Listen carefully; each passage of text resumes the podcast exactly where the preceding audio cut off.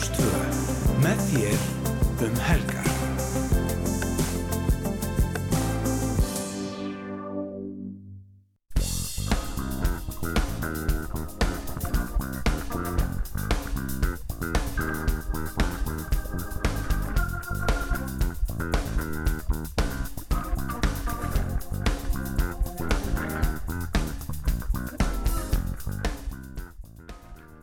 Komið í sælir, hlustendur góðir. Þetta er þátturinn fram og tilbaka hér á Rás 2.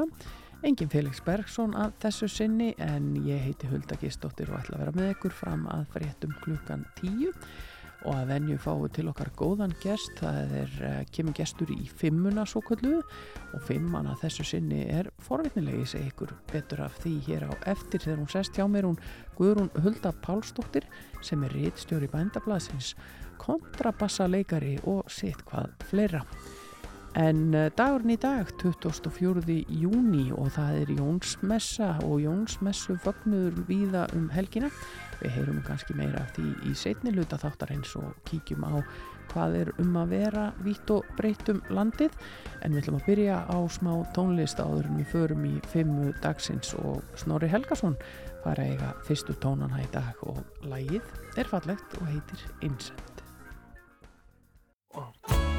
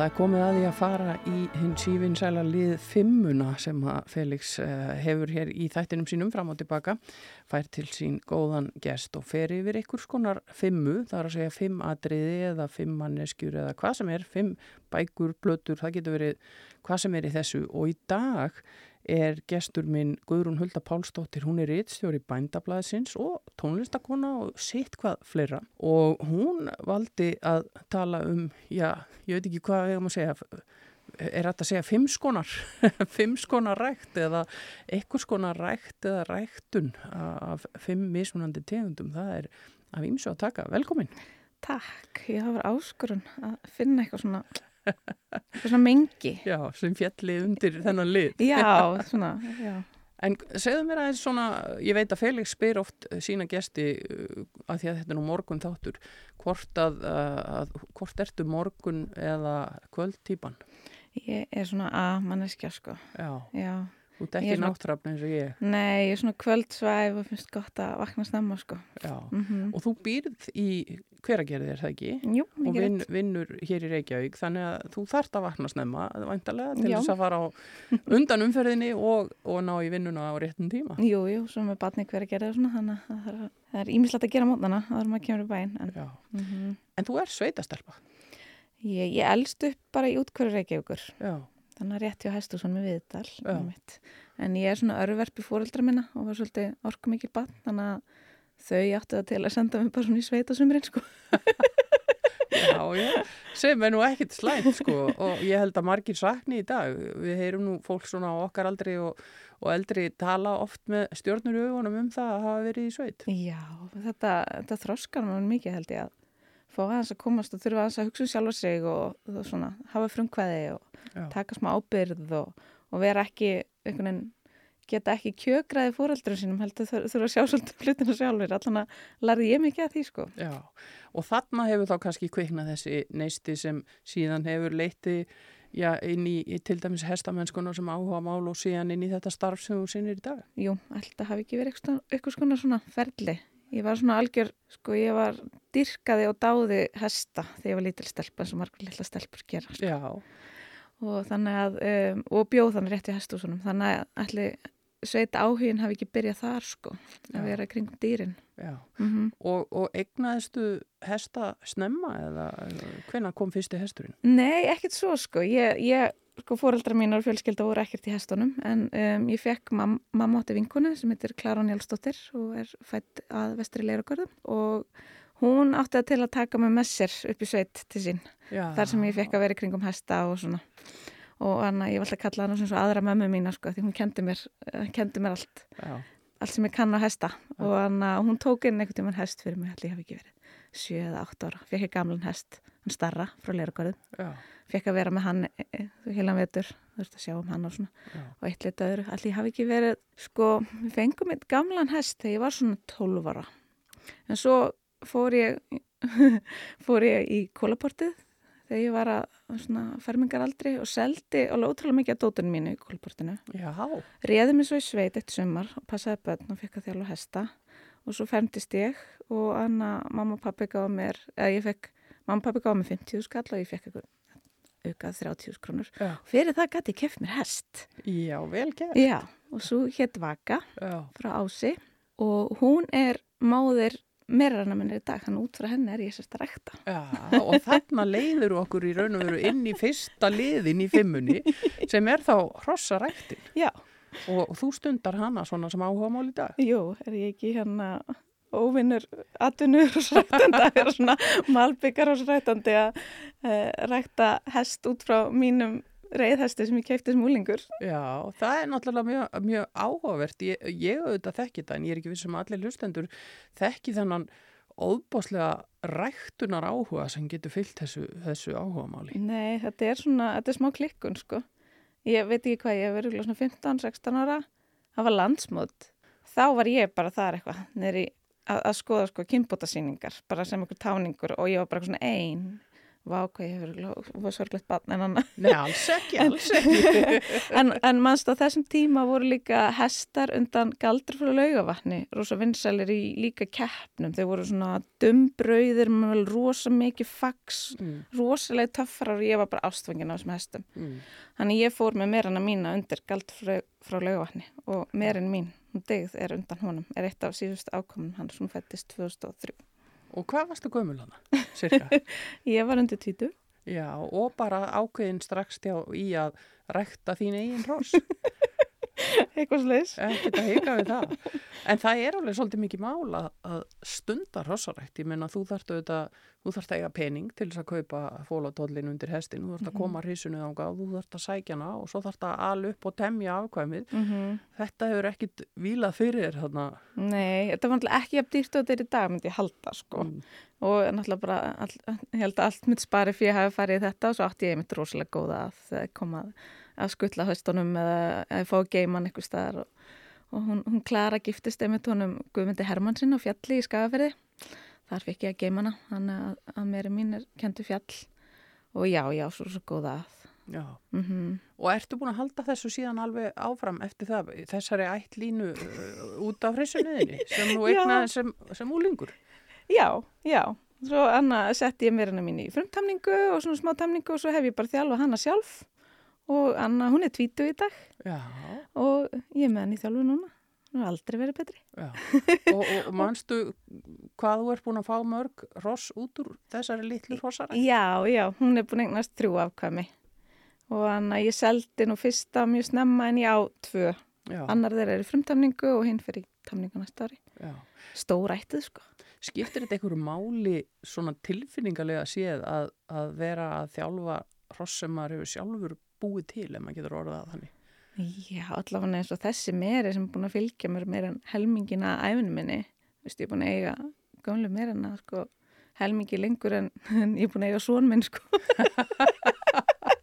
Þannig að hún er náttúrulega bara fjölskylda, sko. Já. Hún er bara besta vinkunum mín og hefur gengið gegnum súrt og sætt með mér og þannig að auðvitað er þetta bara mikið tilfinningamál. Þannig að ég menna þetta verður ekkert auðveldur hestur í tamningu og er ekkert flottasti hesturinn á brautinu, sko, en þetta er, þetta er hesturinn minn og Já. hjarta mitt. Já, það eru þessar stóru, stóru tilfinningar í þessu náttúrulega hossonum og hossaræktinni en kannski fólk þarna úti sem er að hlusta sem á ekki hossin á kannski hunda eða ketti Mhm. eða önnur dýr, eh, það tengir við þetta. Já, finnir þú fyrir þessu? Já, já, ég, ég ekki, sko, við skulum ekki einu sinni byrja á því, það er bara sér þáttur. en, en hefur eitthvað verið að rækta aðra skeppnur, eitthvað skona búfjárækt eða, eða eh, þekkirðu til þar? Nei, nei, svo hef ég brátt ketti og svona, en, en ég hef nú mikið áhuga á því eitthvað tíman að anna eignast hænur og svona, þegar ég, ég er ekki að vinna 250% vinnu og getur verið meira heima, þá væri ég alveg til ég að hænur. Já, Það er hænur næsta garði sem ég fæst um að sinna og fæ egg frá og hann að mér finnst það rosa skemmtilegt. Svo fór ég nú um daginn, um, fekk ég að hjálpa til í bíflugnarækt.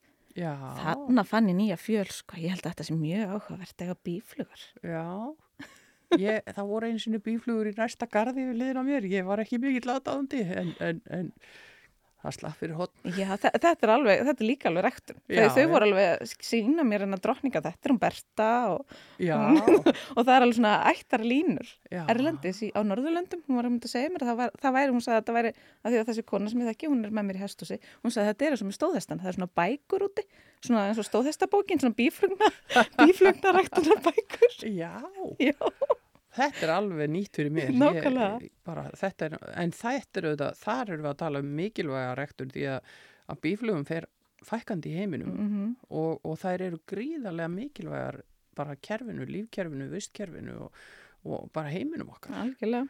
Þannig að maður ætti kannski að vera, vera eh, órættur við þær og, og íta undir bíflugnaræktirna frekar en nýtt. Það held ég. Já, þetta er gaman og þú heldur áfram að, að rækta, fóstu með einhverja hrissu undir hest í sumar eða? Nei, nei, ég held ég ætli aðeins að láta staðan um það er ég á tvö sem komu tvö ári röð og það býður hún að tamning Já, tilherandi kostnaði.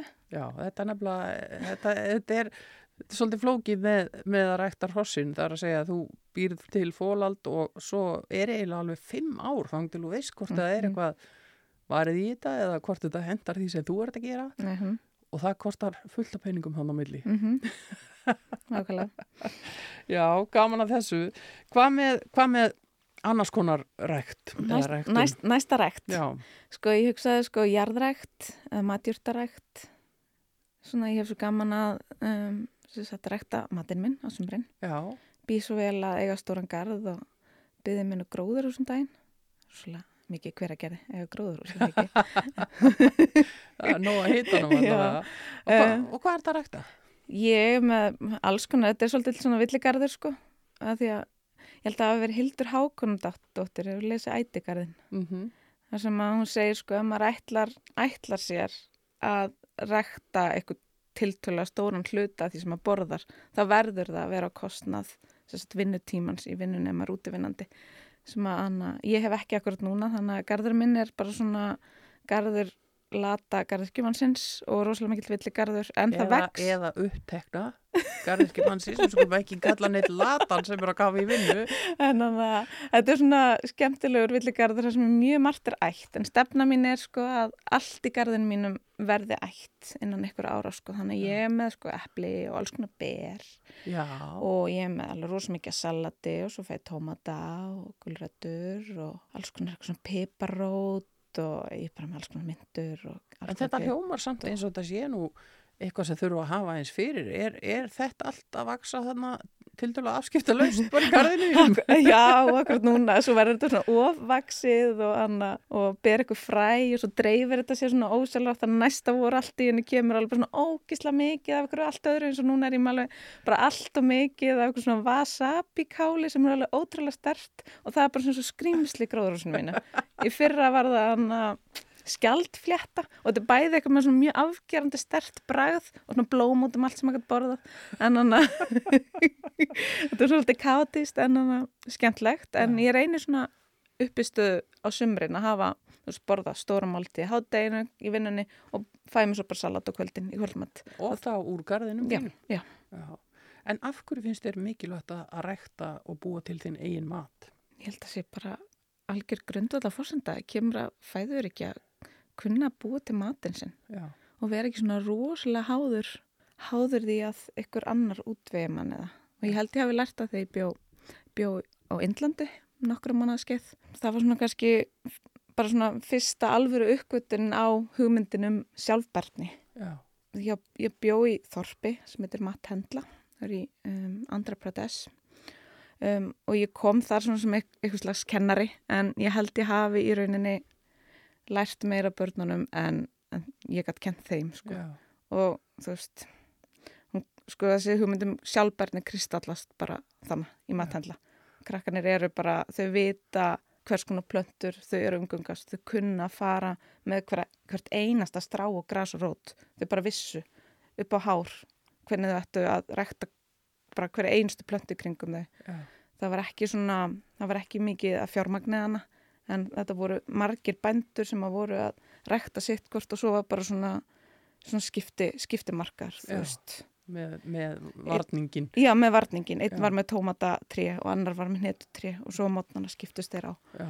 en hvernig kom það til að þú, þú fer til Indlands það er nú kannski ekki beinlinis svona styrsta landi til að fara að prófa að segja áfram í Nei, nei, það var, það var líka svona, svona hálgir tilviljun sko.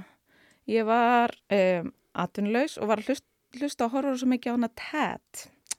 TED.com, þar er, Já, svona, svona alls konar kvartningar uh, hérna, umfjöllun eða ræður eða já, fróðleik. Já, þetta er bara, bara svona fyrirlestrar, svona hnit með að er vel hugsaðir fyrirlestrar Mhm. og þetta var bara einmitt til að örfa, örfa hugan þegar, maður, þegar ég var að leita mér að vinnu og var, þú veist, ekki námi og þannig að ég var mikið að horfa á og sá þannig að ég hef alltaf haft gaman að taka myndir, ljósmyndir. Já, Um, sá þarna fyrirlestur eftir mann sem var ljósmyndari sem var að tala um, einmitt svo hef ég líka alltaf, var, var líka vinna hjá fjölmiðlum hann var að tala um hvernig þess að fjölmiðlar geta búið til svona stereotypiska ímynd af menningar heimum og hvernig við ættum að reyna að brjóta það upp með því að láta menningar heimana sjálfa, sérstaklega ungt fólk á þeim stöðum miðla sjálf lífinu sínu. Mm. og það gerðan og þetta náttúrulega fyrir tíma snjálsímans svo það sé sagt að þá gerðan það með því að kenna krökkum í sikur menningarheim á sérst, ljósmyndina og listformi ljósmyndina og hvernig maður getur sagt sögu gegn ljósmyndir.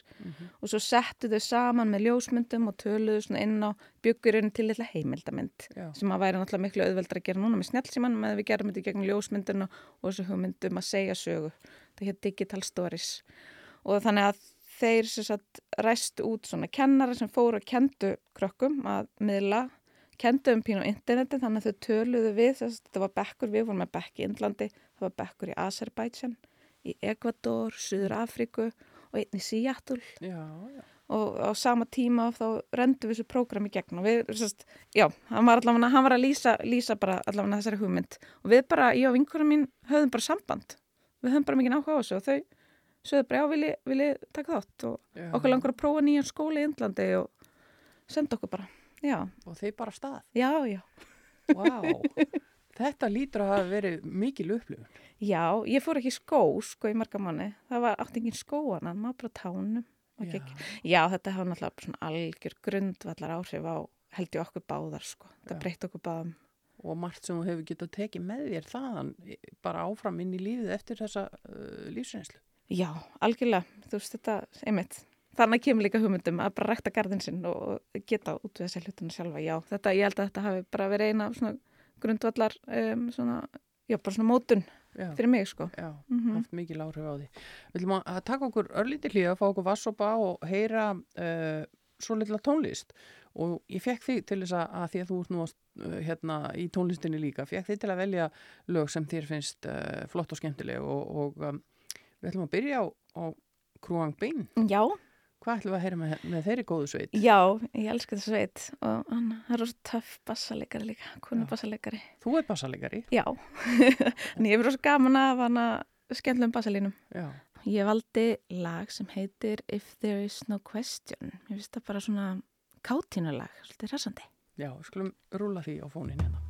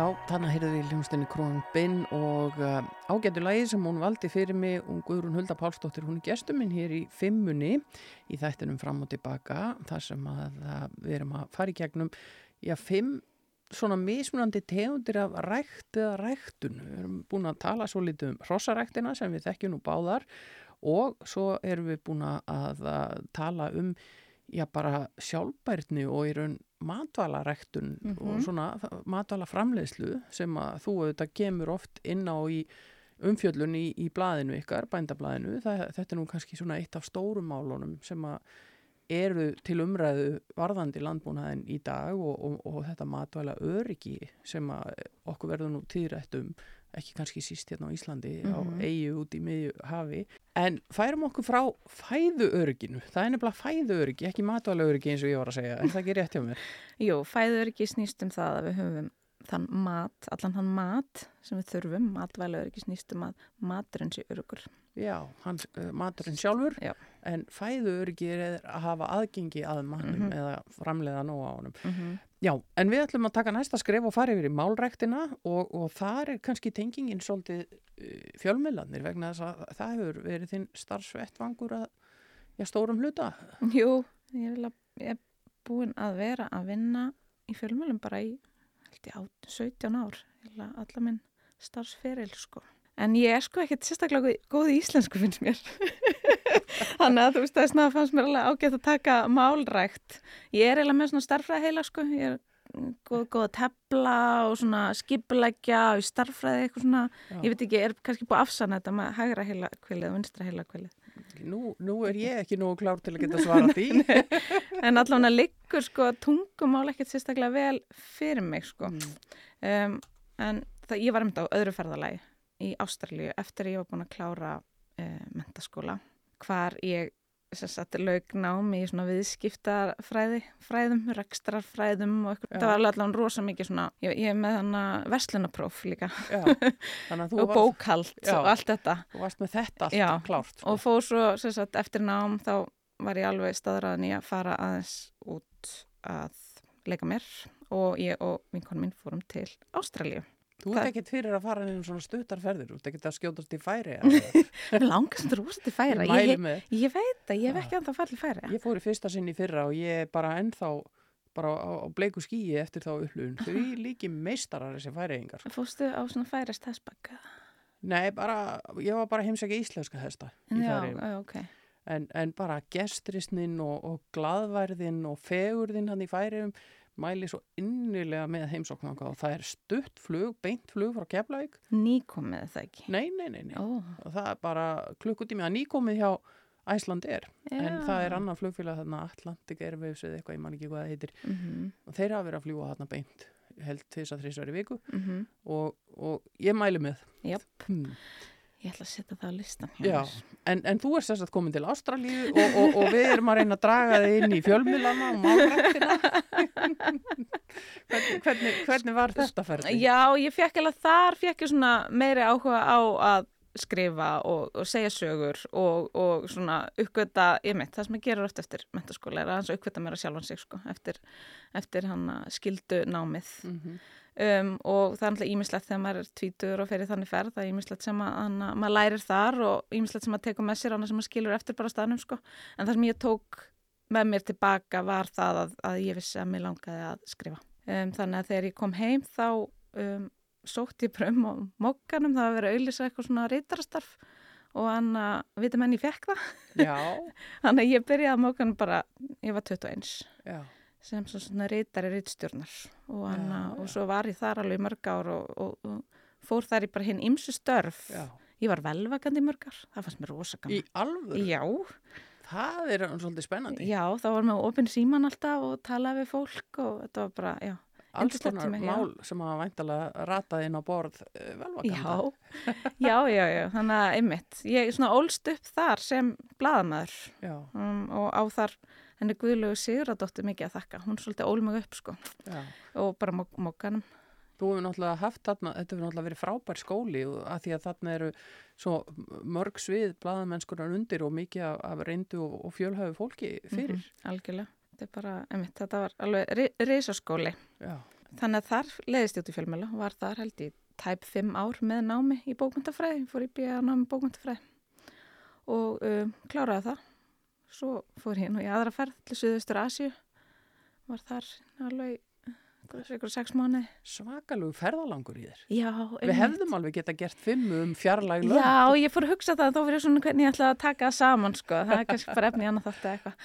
En hann að, uh, já, En Hvað varst að gera í, í Suðaustur Asíu? Já, ég fór sko, ég var mánuði senn í alls konar löndum, það var nú, já, þetta var alls konar ferði, ég fór til Nepals og Bangladesh og Burma, Myanmar sem er uppáhaldslandi mitt sko. Vá, Þetta var á þeim tíma sem Aung San Suu Kyi var enn í stofangelsinu, já. ég var þar alveg heilan mánuð, það var svona ótrúlega litir og svona ótrúlega svona ilmur sem var mann eftir, bara, ég ætla eftir að fara þanga aftur ef að, að það verið stætt sko. já. Þæland, svo var ég Bali, já, já, Þannig að roskamann. Þetta hefur verið mikið æfintir Mm -hmm.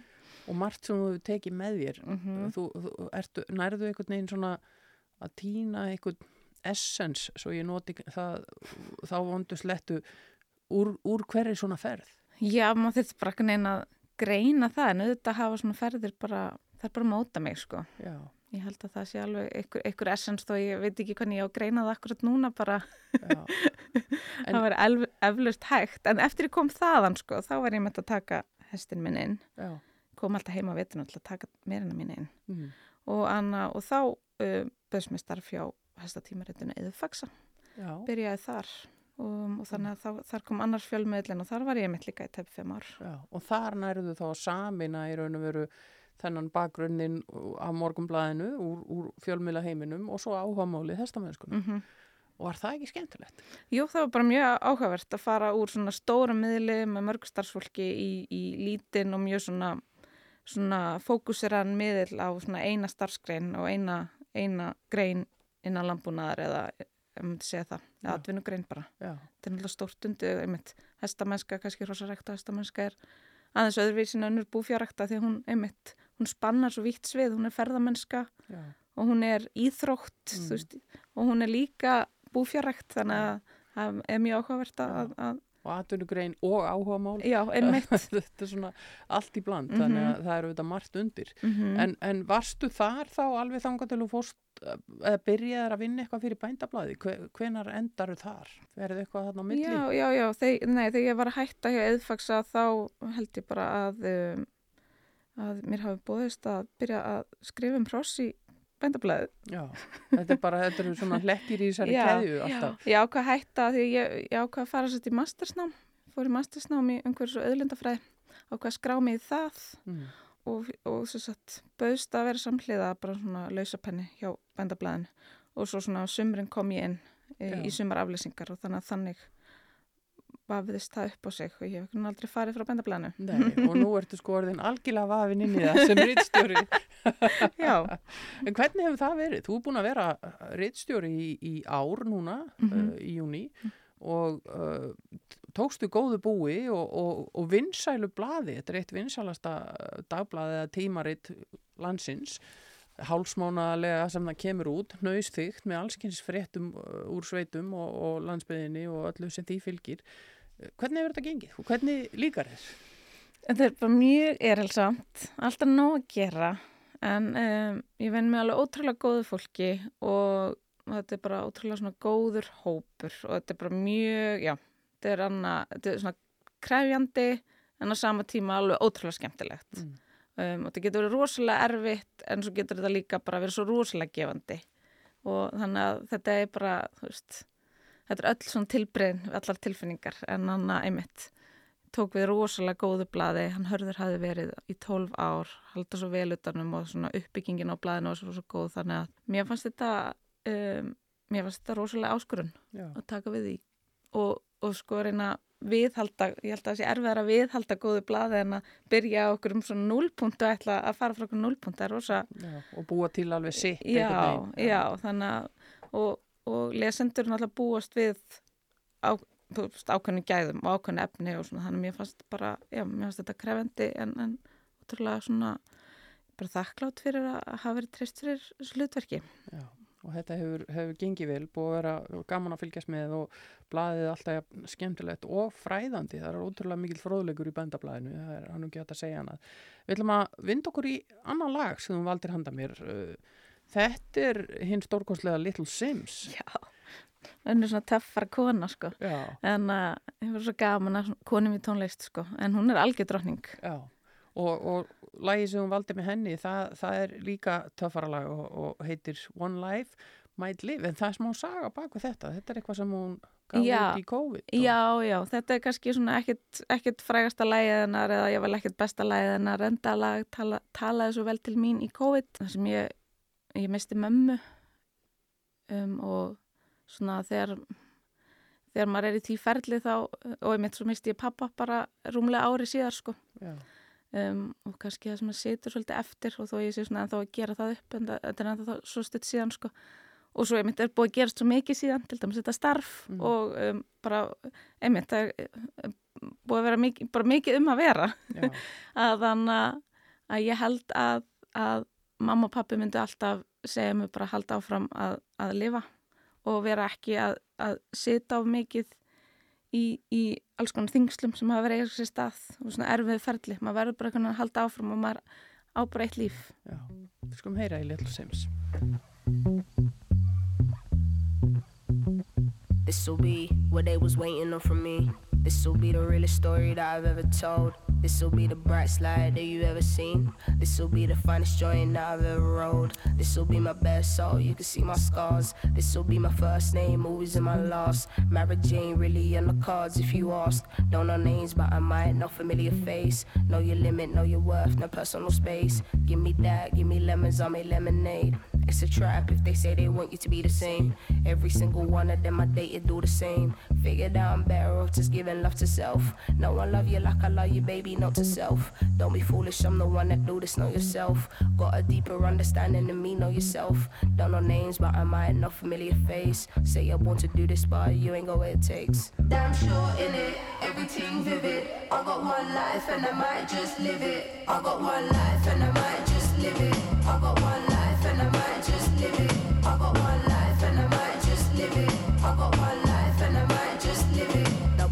kissing, get it popping in this party. Oh, you charming, but you a freak, you is nasty. In the bathroom doing lines of the Charlie. I don't do drugs, but I ain't judging, it's nothing. Please don't kill my high, I've been getting on it for days now. Always on a vibe, you joining, yo, is you coming? This is suicide, yo, don't let them tell you lies. Never thought that I would see the day, I'll be surprised. Nothing is a shock to me, you see it in my eyes. Everyone that's wrong me put their bodies to the side. You will never know it's me, I pull up in disguise. Don't know names, but I might know familiar face. Everything you own, a singing name, it's all at stake. How the hell you get off in this life being fake? Fucking put the pen down and give us all a break. Damn sure in it, everything vivid. I got one life and I might just live it. I got one life and I might just live it. I got one life and I might just live it. I got one life and I might just live it. I got one life and I might just live it. Ain't no squares up in my circle. Don't need rats, I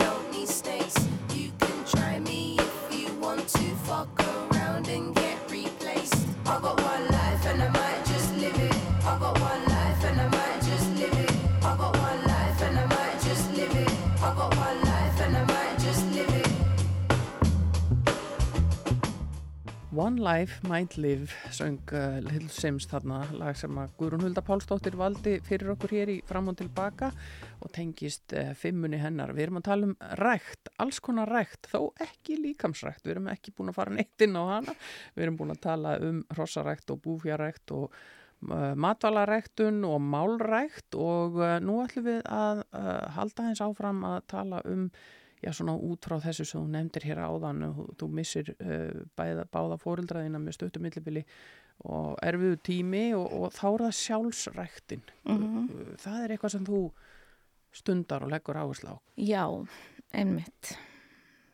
Það sem að gerir sko þegar vinnunni sleppir og það skiptir heldur svo rosalega miklu máli ef að maður hefur mikið að gera og, og, og ef maður er í, í krefindistarfi og er líka að reyna alveg batn og, og að hugsa um fjölskylduna sína að maður taki stund fyrir sjálfa sig. Mm. Þannig að ég hef alltaf, alltaf lagt mig klar og það er kannski líka eitthvað sem að uh, ég lærði í útlöndum, öllum, þessum ferðalögum, Já. einmitt. Lærði, lærði að gera jóka og lærði okkur skonar hugleislu og hvernig það hefur fyllt mér sko. Þó ég kannski stundi það ekkit endilega svona reglulega en þetta bara að setjast niður eða fara hessbakk. Mm. Hvað sem ekki núvitund er það bara að fara hessbakk eða að rækta garðin sinn eða bara, já, þetta skiptir máli til að bara viðhalda góðri geðhelsu að halda fótunum á jörðinni og einhvern veginn huganum svífandi áfram. og stíga út úr kannski erlinum og atinu og, og, og Mhm. lífsbaráttunni Mm sem slíkri. Þannig að ég bara, hvernig ger það, ég fyrir líka bara, ég fyrir oft í svett. Já, svett er mjög áhugavert fyrir bara ég, sko ég get ekki eins og fara í heita sturtu þannig að ég væri ekki að fara í svett en, en eh, sko þetta er, þetta er bara gamall siður sem kemur, hvaðan kemur þetta? Maður hefur heyrt um þetta bara svona hjá frumbyggjum Norður Ameríku og, og, mhm. og kannski ímsum þjóðum. Já, það held ég, þetta er bara allt rosalega gott. Og svo náttúrulega líkamsrætt líka. Já, en þetta er eitthvað skonar, uh, sko, ekki bara líkamlega hreinsun með því að svita út öllu gumsinu, heldur andlega hreinsun. Já, já, þetta er bara, þetta er stund sem maður getur átt með sjálfum sér og anna, reynda að losa sig við það sem að, ef maður vill losa sig við eitthvað eða hreinsað út eða einmitt, bara eiga þessa smá stund, það sem maður svona kjarnar sig, er það ekki? Jú. Jú, og svo kannski bara flæðu við úr sjálfsræktinni yfir í, í síðustu ræktina sem við ætlum að tala um sem að er, er tengslarækt og mikilvæg þess að einhvern veginn að rækta tengslin.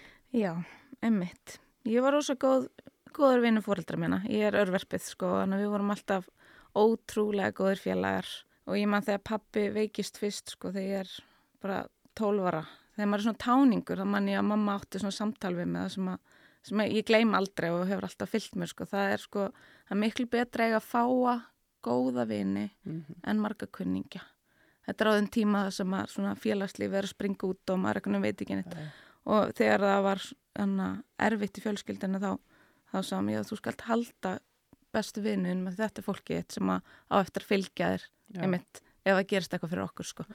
Og þannig að þetta skiptir miklu máli að vera í góðum tengslum við mína góða vini og ég bara býfið þau fórættind að eiga svo mikið að góðum vinum Já. sem að Alltaf utan um mamma hefur reynst samspá já, Já.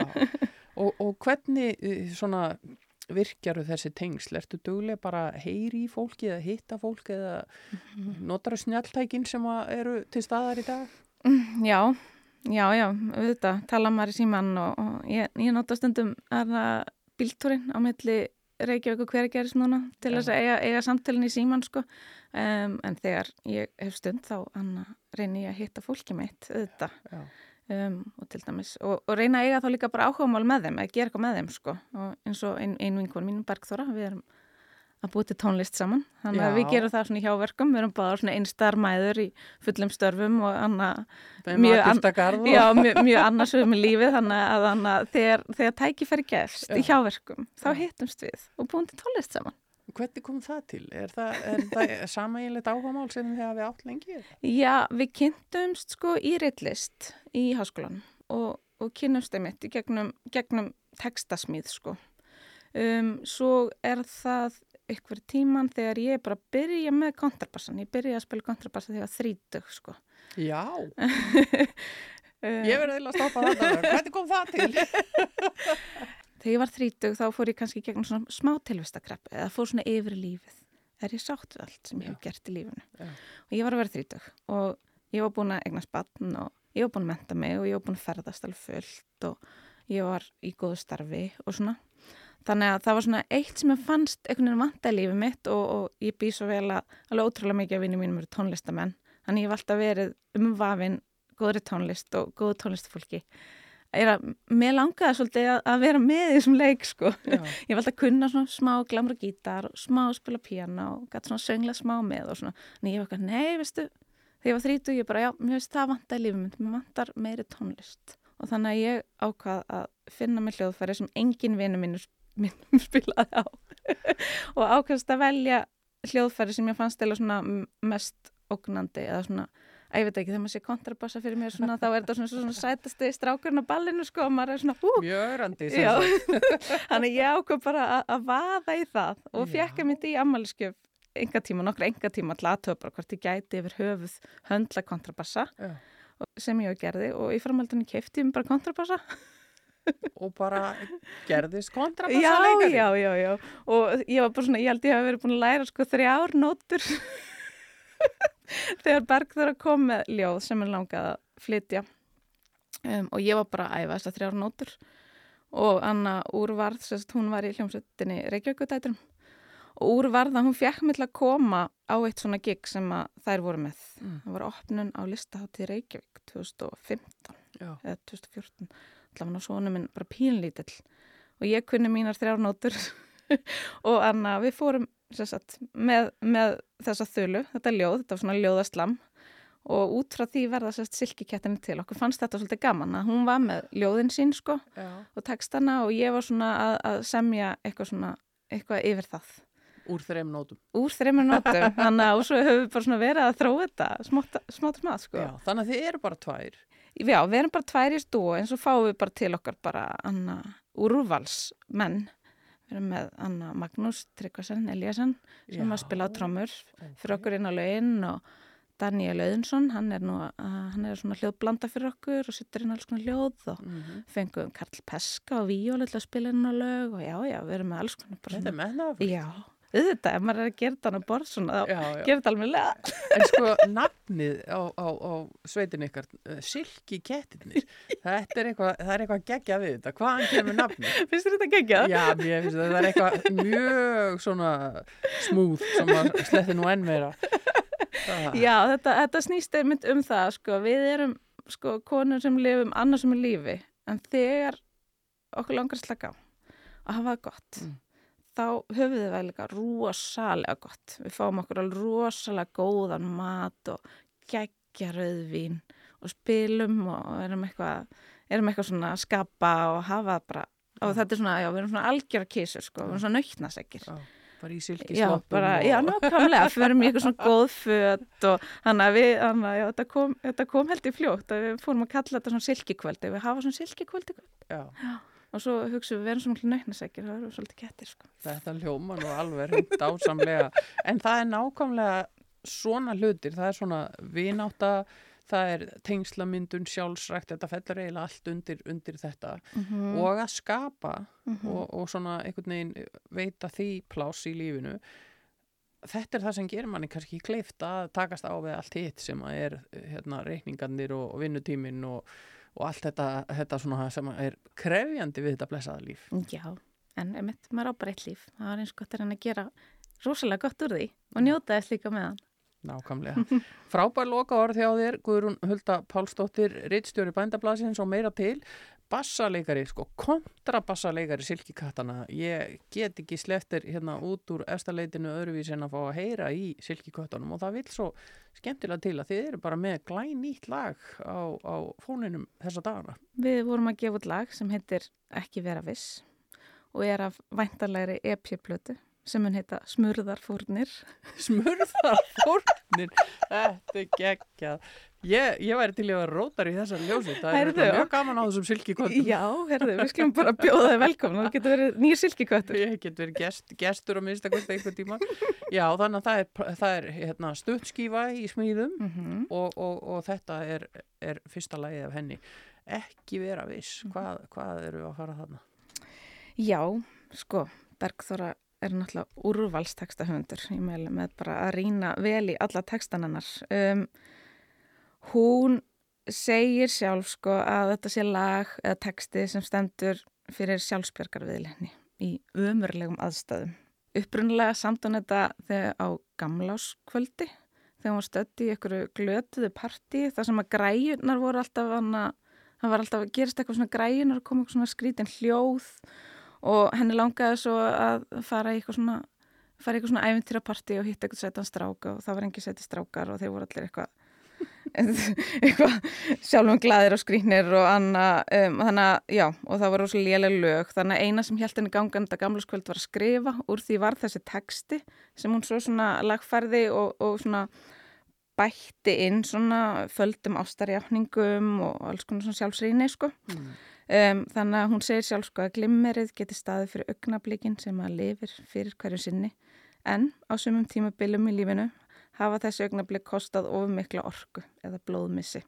Já, ég held við verðum að vinda okkur í þetta bara. Við skulum enda spjallið á því að heyra ekki vera viss með Silki köttunum. Guðrún Hulda Pálsdóttir, takk innilega fyrir að koma til okkar í fram og tilbaka og, og smelli eina fimmu með mér. Já, takk fyrir að bjóða mér.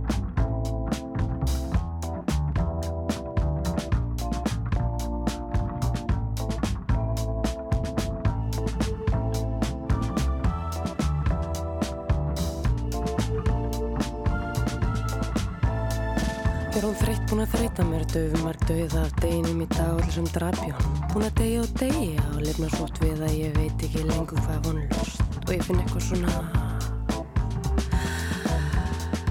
svona glimmer. Svona glimmer til skipta þessi blómið sér svo. Ekki vera viss,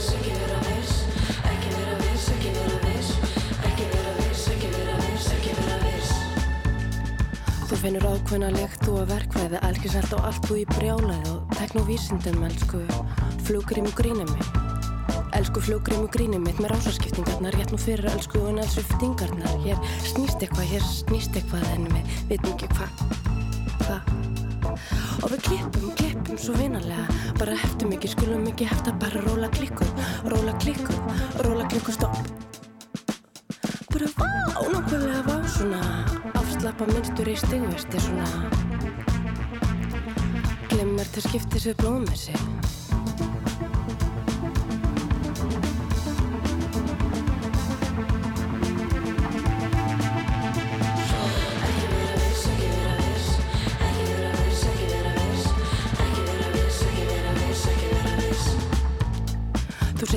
ákveðin svip, þú og sálfræði, elskisart og allt þú í viðkvæmn og sætir tíðendum, elsku fluggrím og grínir mig. Elsku fluggrím og grínir mitt með rásaskiptingarnar, rétt nú fyrir elsku og nælsviftingarnar. Hér snýst eitthvað, hér snýst eitthvað, en við vitum ekki hvað.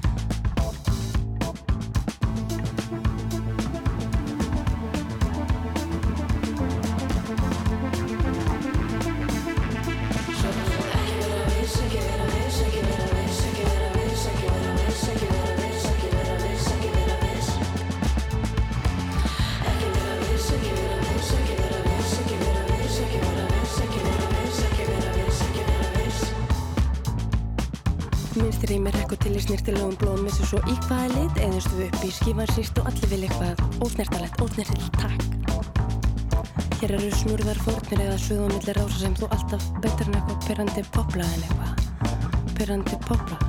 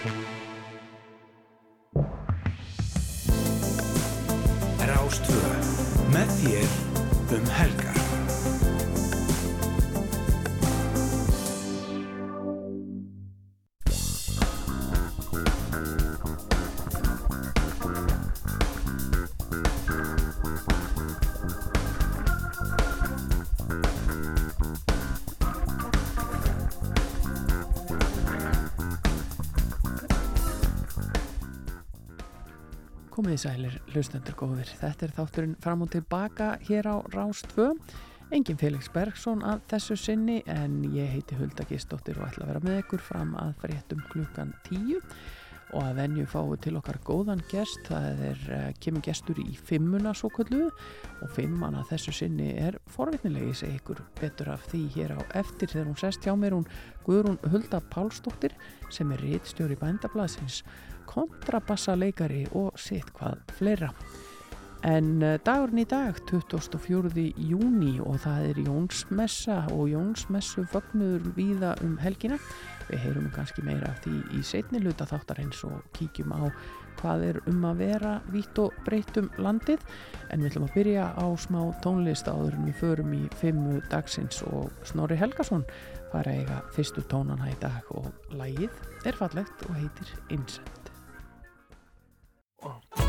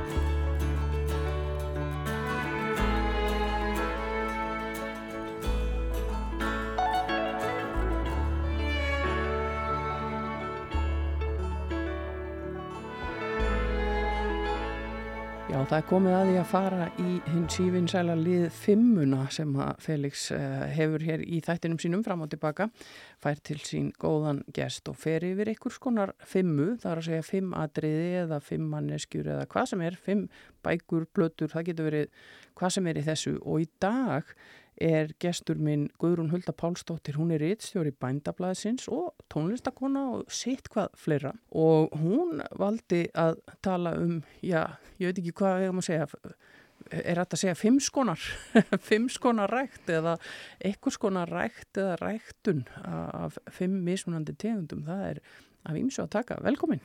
Takk, ég hafa áskorun að finna eitthvað svona, eitthvað svona mengi. Já, sem fjalli undir þennan lið. Já, svona, já.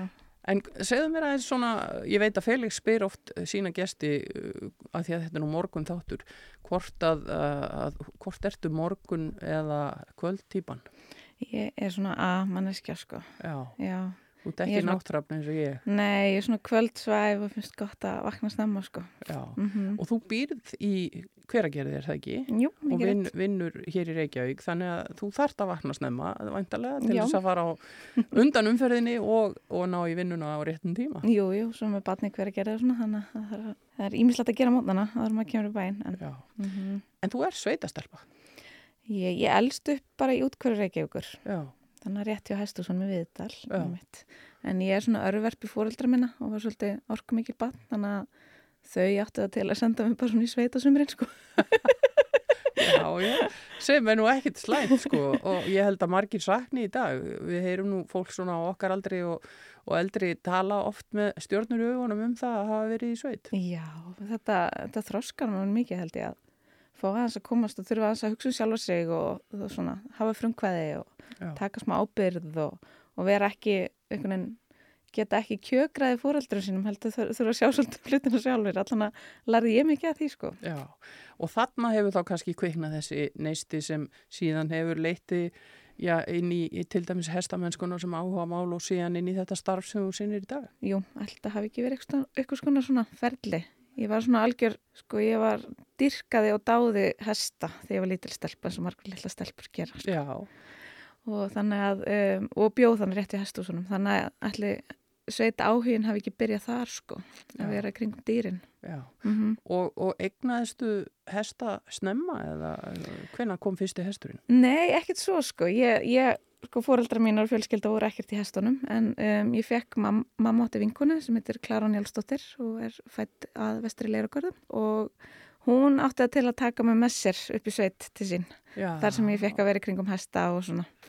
Og hann, ég alltaf að kalla hann svona aðra mömmu mína sko, því hún kendi mér, eh, kendi mér allt, Já, allt sem ég kann á hesta. Og hann, hún tók inn einhvern tímann hest fyrir mig, allir ég hef ekki verið 7 eða 8 ára, fekk ég gamlan hest hann starra frá leiragörðum, já, fekk að vera með hann e, e, heilan vetur, þú veist að sjá um hann og svona. Já. og eitt lit öðru, allir hafi ekki verið sko, við fengum eitt gamlan hest þegar ég var svona 12 ára. En svo fór ég fór ég í kólaportið þegar ég var að fermingaraldri og seldi alveg ótrúlega mikið að dótunum mínu í kólaportinu. Réði mig svo í sveit eitt sumar og passaði börn og fekk að þjálfa hesta. Og svo fermtist ég og Anna, mamma og pappi gáði mér eða ég fekk, mamma og pappi gáði mér 50 skall og ég fekk eitthvað aukað 30 krónur. Já, fyrir það gæti ég keft mér hest. Já, vel gert. Já, og svo hétt Vaka Já, frá Ási. Og hún er máðir meirarana minnir í dag, hann út frá henni er ég sérst að rekta. já, og þarna leiður okkur í raun og veru inn í fyrsta liðin í fimmunni sem er þá hrossaræktin Já, og, og þú stundar hana svona sem áhuga mál í dag. jú, er ég ekki hérna óvinnur atvinnur og srættandi að vera svona malbyggar og srættandi að uh, rækta hest út frá mínum reyðhesti sem ég keipti smúlingur. Já, það er náttúrulega mjög, mjög áhugavert. Ég, ég auðvitað þekki það en ég er ekki vissum að allir hlustendur þekki þennan óbáslega ræktunar áhuga sem getur fyllt þessu, þessu áhugamáli. Nei, þetta er svona, þetta er smá klikkun sko. Ég veit ekki hvað, ég örugglega svona 15-16 ára, það var landsmót. Þá var ég bara þar eitthvað, neri að, að skoða sko kynbótasýningar, bara sem einhver táningur og ég var bara svona ein. Vá, hvað ég hef verið, var sorglegt barn en annað. Nei, alls ekki, alls ekki. En, en mannst á þessum tíma voru líka hestar undan frá laugavatni, rosa vinsælir í líka keppnum. Þau voru svona dumbrauðir með rosa mikið fax, Mm, rosalega töffar og ég var bara ástfangin á þessum hestum. mm. Þannig ég fór með merana mína undir gald frá, frá laugavatni og merin mín, hún degð er undan honum, er eitt af síðust ákomin hann sem fættist 2003. Og hvað varstu gömul hana, cirka? Ég var undir tvítu. Já, og bara ákveðin strax hjá í að rækta þín eigin hross. Eitthvað sliðis. Ekkert að hika við það. En það er alveg svolítið mikið mál að, að stunda hrossarækt. Ég meina þú þarft auðvitað, þú þarft að eiga pening til þess að kaupa fólatóllin undir hestin. Þú þarft að koma hrísunu ánga og þú þarft að sækja hana og svo þarft að ala upp og temja afkvæmið. Mm Þetta hefur ekkit vilað fyrir þér þarna. Nei, þetta var náttúrulega ekki jafn dýrt og þetta er í dag, myndi ég halda, sko. Mm. Og náttúrulega bara, all, ég held að allt mitt spari fyrir hafi farið í þetta og svo átti ég mitt rosalega góða að þegar koma að, að skutla höstunum eða að fá geiman eitthvað staðar og, og hún, hún Klara giftist einmitt honum Guðmundi Hermannsinn á fjalli í Skagaferði. Þar fikk ég að geimana, hann að, að mér mín er kentu fjall og já, já, svo, svo góða að. Já. Mm Og ertu búin að halda þessu síðan alveg áfram eftir það, þessari ættlínu uh, út af hrissunniðinni sem þú eignaði sem, sem úlingur? Já, já. Svo Anna setti ég hana mín í frumtamningu og svona smá tamningu og svo hef ég bara þjálfað hana sjálf og Anna, hún er tvítu í dag Já, og ég er með hann í þjálfu núna. Hún har aldrei verið betri. Og, og, og manstu hvað þú ert búin að fá mörg ross út úr þessari litlu hrossarækt? Já, já, hún er búin eignast þrjú afkvæmi og Anna, ég seldi nú fyrsta mjög snemma en ég á tvö.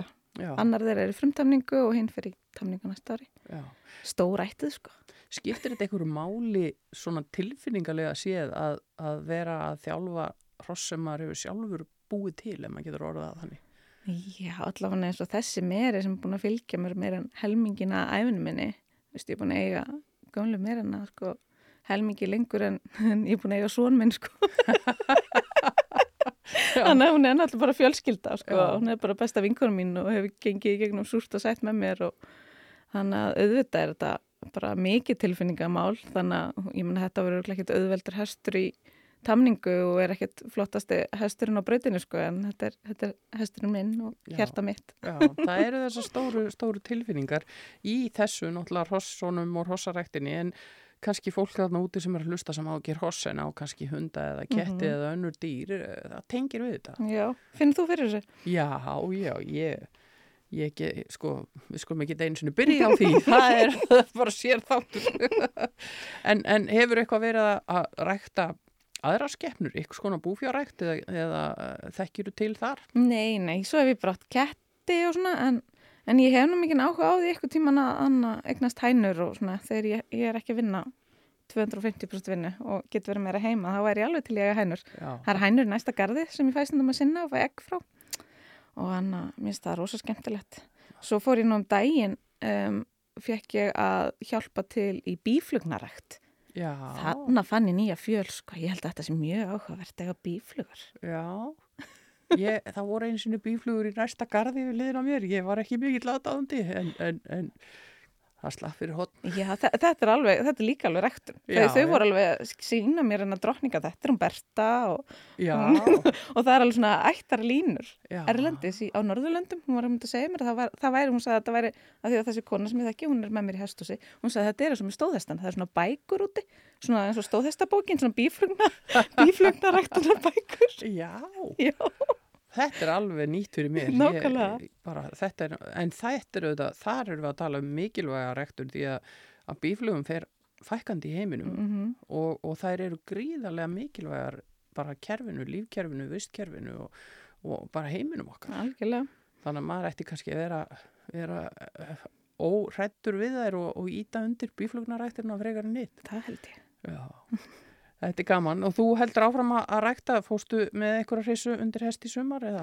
Nei, nei, ég held ég ætli aðeins að láta staðan um það er ég á tvö sem komu tvö ári röð og það býður núna tamning Já, tilherandi kostnaði. já, þetta er nefnilega, þetta, þetta er, svolítið flókið með, með að rækta hrossin. Það er að segja að þú býrð til fólald og svo er eiginlega alveg fimm ár þang til þú veist hvort það er Mhm. eitthvað varið í þetta eða hvort þetta hendar því sem þú ert að gera Nei, hm, og það kostar fullt af peningum hann á milli. mm Nákvæmlega.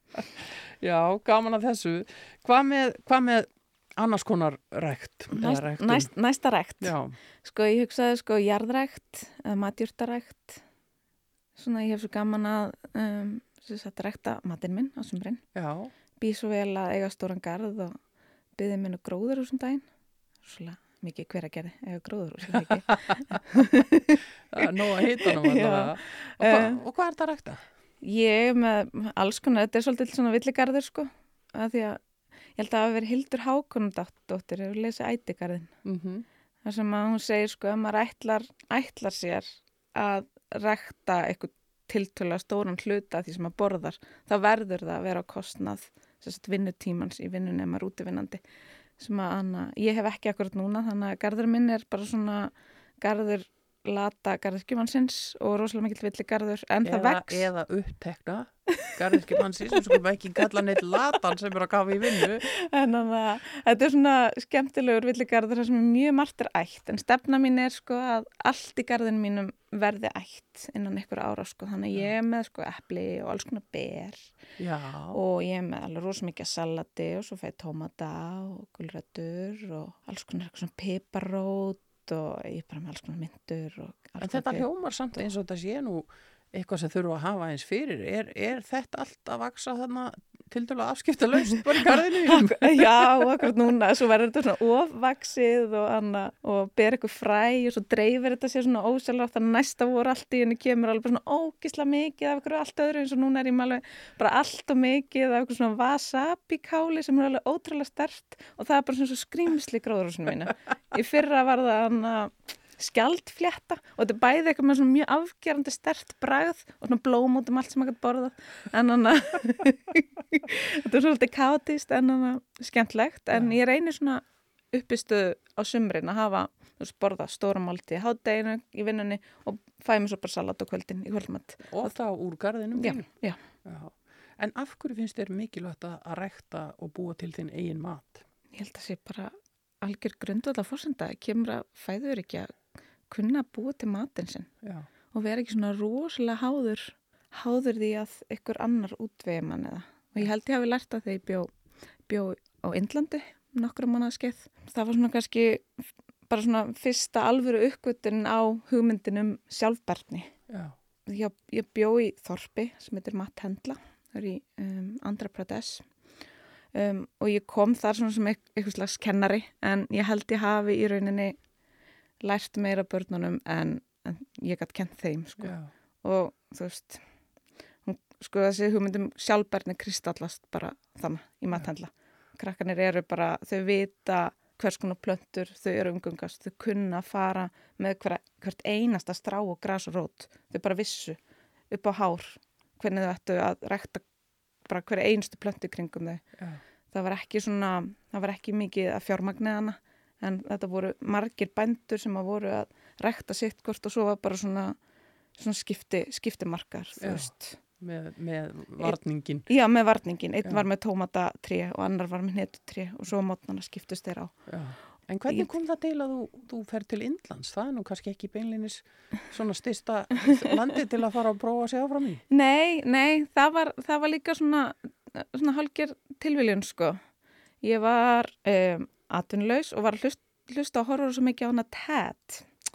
TED.com, þar er, Já, svona, svona alls konar kvartningar uh, hérna, umfjöllun eða ræður eða já, fróðleik. Já, þetta er bara, bara svona fyrirlestrar, svona hnit með að er vel hugsaðir fyrirlestrar Mhm. og þetta var bara einmitt til að örfa, örfa hugan þegar, maður, þegar ég var að leita mér að vinnu og var, þú veist, ekki námi og þannig að ég var mikið að horfa á og sá þannig að ég hef alltaf haft gaman að taka myndir, ljósmyndir. Já, Um, sá þarna fyrirlestur eftir mann sem var ljósmyndari sem var að tala um, einmitt svo hef ég líka alltaf, var, var líka að vinna hjá fjölmiðlum hann var að tala um hvernig þess að fjölmiðlar geta búið til svona stereotypiska ímynd af menningar heimum og hvernig við ættum að reyna að brjóta það upp með því að láta menningar heimana sjálfa, sérstaklega ungt fólk á þeim stöðum miðla sjálf lífinu sínu mm. og það gerðan og þetta náttúrulega fyrir tíma snjálfsímans svo það sé sagt að þá gerðan það með því að kenna krökkum í sikur menningar heim á sérst, ljósmyndina og listformið ljósmyndina og hvernig maður getur sagt sögu gegn ljósmyndir Mhm. og svo settu þau saman með ljósmyndum og töluðu svona inn á byggurinn til litla heimildamynd Já. sem að væri náttúrulega miklu auðveldra að gera núna með snjálfsíman með við gerum þetta gegn ljósmyndina og þessu hugmyndum að segja sögu það hétt Digital Stories. Og þannig að þeir sagt ræstu út svona kennara sem fóru og kendu krökkum að miðla kendu um pínu á interneti þannig að þau töluðu við þess að þetta var bekkur, við vorum með bekk í Indlandi það var bekkur í Azerbaijan í Ecuador, Suður Afríku og einn í Seattle. Já, já. og á sama tíma þá rendum við þessu prógram í gegn og við, sérst, já, hann var allavega, hann var að lýsa, lýsa bara allavega þessari hugmynd. Og við bara, ég og vinkurum mín höfðum bara samband, við höfðum bara mikið áhuga á þessu og þau sögðu bara, já, vil ég, vil ég taka þátt og já. okkur langar að prófa nýjan skóla í Indlandi og senda okkur bara, já, Og þeir bara stað. já, já. Vá, þetta lítur að hafa verið mikil upplifun.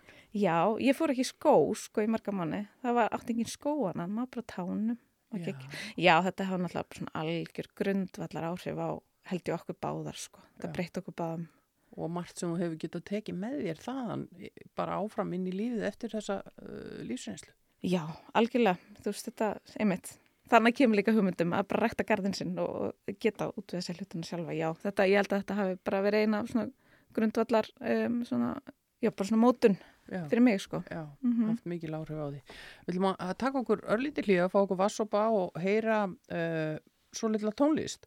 Og ég fekk þig til þess að, að því að þú ert nú uh, hérna í tónlistinni líka, fekk þig til að velja lög sem þér finnst uh, flott og skemmtileg og, og um, við ætlum að byrja á, á Krúang Bein. Já, Hvað ætlum við að heyra með, með þeirri góðu sveit? já, ég elska þessu sveit og hann hann er rosa töff bassalegari líka, konu bassalegari. Þú er bassalegari. Já, en ég er rosa gaman af hana skemmtlum bassalínum. Já. Ég valdi lag sem heitir If There Is No Question. Ég finnst það bara svona kátínulag, svolítið rasandi. Já, skulum rúla því á fónin hérna.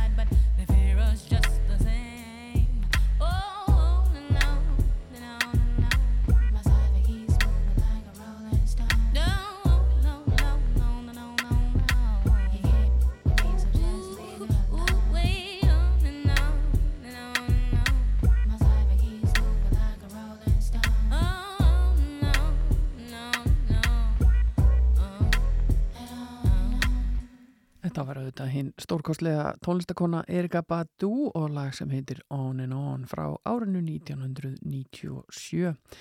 En það er ímislegt um að vera eins og ég nefndi þessa Jónsmessu helgina. Meðal annars eru danskir dagar í Stikilsólmi og mikið um að vera þar því að það er líka landsmót UMFI fyrir 50 ára og eldri.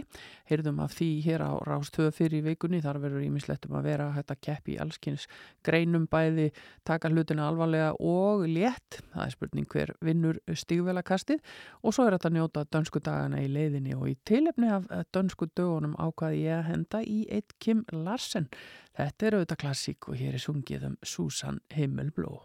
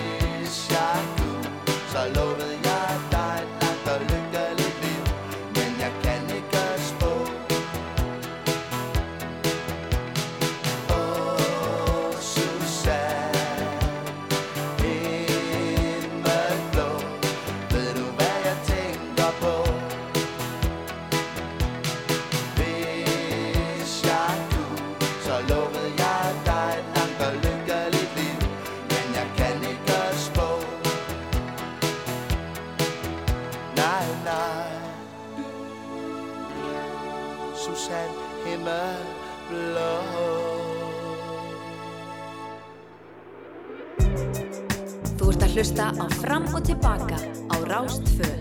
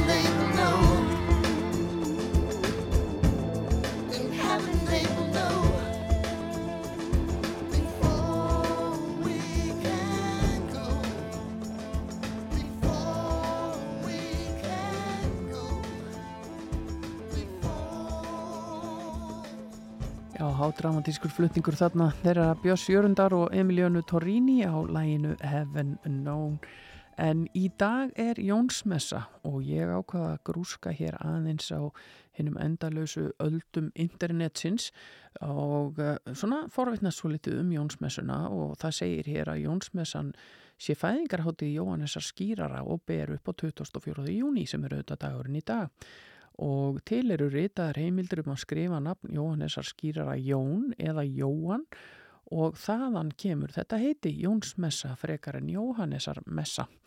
Og þetta er eini fæðingadagur dýrlings sem haldin er helgur utan eina af sjö helstu messum Marju Guðsmóður segir hérna. En uh, það er líka verið að tala hérna um að Jónsmessan hafi virðist aldrei hafi verið mikil hátíð á Íslandi þó að ætla megi að yfir, yfir henni hafi verið mikil helgi í katholskum síð og jafnvel lengur og uh, það má svona leggja mat á þessa helgi með því að milli 20 og 30 kirkjur segir hér voru helgaðar Jóhannesi skýrara einum eða honum ásamt einhverjum öðrum dýrlingi.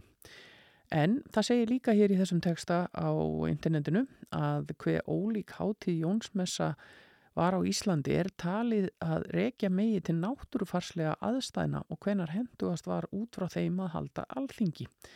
Og þarna var að vera að líta til þess að á þessum tíma ársins var söðburði oftast lokið, búið að rýja fjeð og reka á fjall og verka tún en slátturinn þó ekki í hafinn. Og þess vegna var þessi tími einmitt hendugasti tími sumars til þess að kasta mæðinni og gera sér glaðan dag.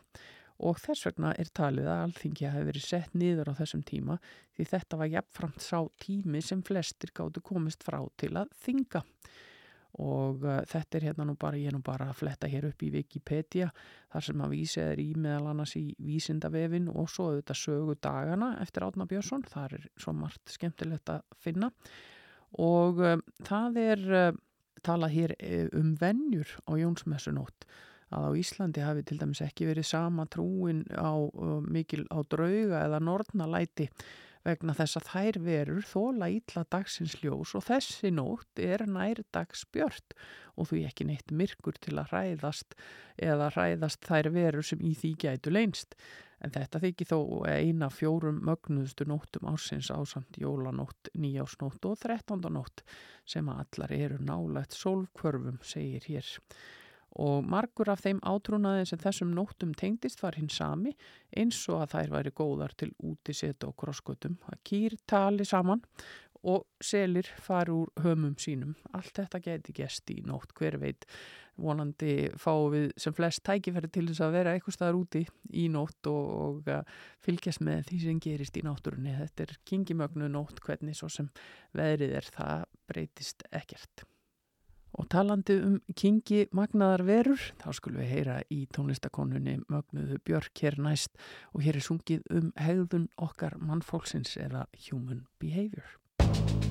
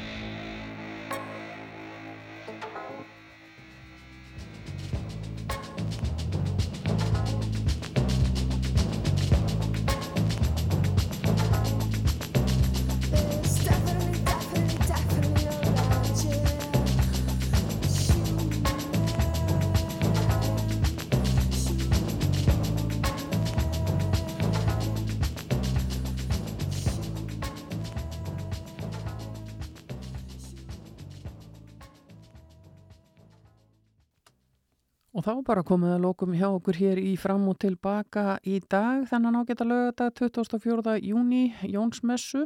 Ég heiti Hulda Geistóttir og hef verið hér í fjárveru Felix Bergsonar og verið virkilega gaman að vera með ykkur og fá að fylgja ykkur inn í þennan fína lögadag. Nú gestur minn í fimmunni var Guðrún Hulda Pálsdóttir Rítstjóri Bændablaðsins og fyrir þau ykkar sem að mistuð af því skemmtilega spjalli þar sem hún fóri yfir allskins rækt, hvað sem það var já, búfjárrækt eða mannrækt. Þið getið auðvitað hlusta á þetta í spilaranum okkar og appinu fljóðlega þætti loknum og það er líka þetta hlusta á alla eldri þætti og sem er auðvitað tilvalið að gera núna þegar sumafríin er að bresta á. Það er mjög margt forvittnilegt í spilaranum okkar og appinu sem hægt er að sækja sér til hlustunar. En hér framöndan á Rástvö, það eru auðvitað okkar eina sanna Salka Sól sem tekur við að loknum tíu fréttum og svo að loknum hátegisfréttum er það hljóðvegur eitt þar sem að Kalli, Steinei og Jóhann Alfreð já, halda upp í stemmingunni, Kalli hér í efstaleitinu og þau Steinei og Jóhann Alfreð á ferð og flýjum landið. Þau ætla að senda út frá 40 stöðum í sumar í tilefnu að 40 ára hammali Rásar 2 gera þeirri betur. Ég ætla að enda þetta á Creedence Clearwater Revival og lagi sem heitir Born on the Bayou. Ég segi bara takk fyrir að hlusta og vera með okkur hér á Rás 2 útvarpi allra landsmanna. Njótið dagsins og helgarinnar. Blessi Bili.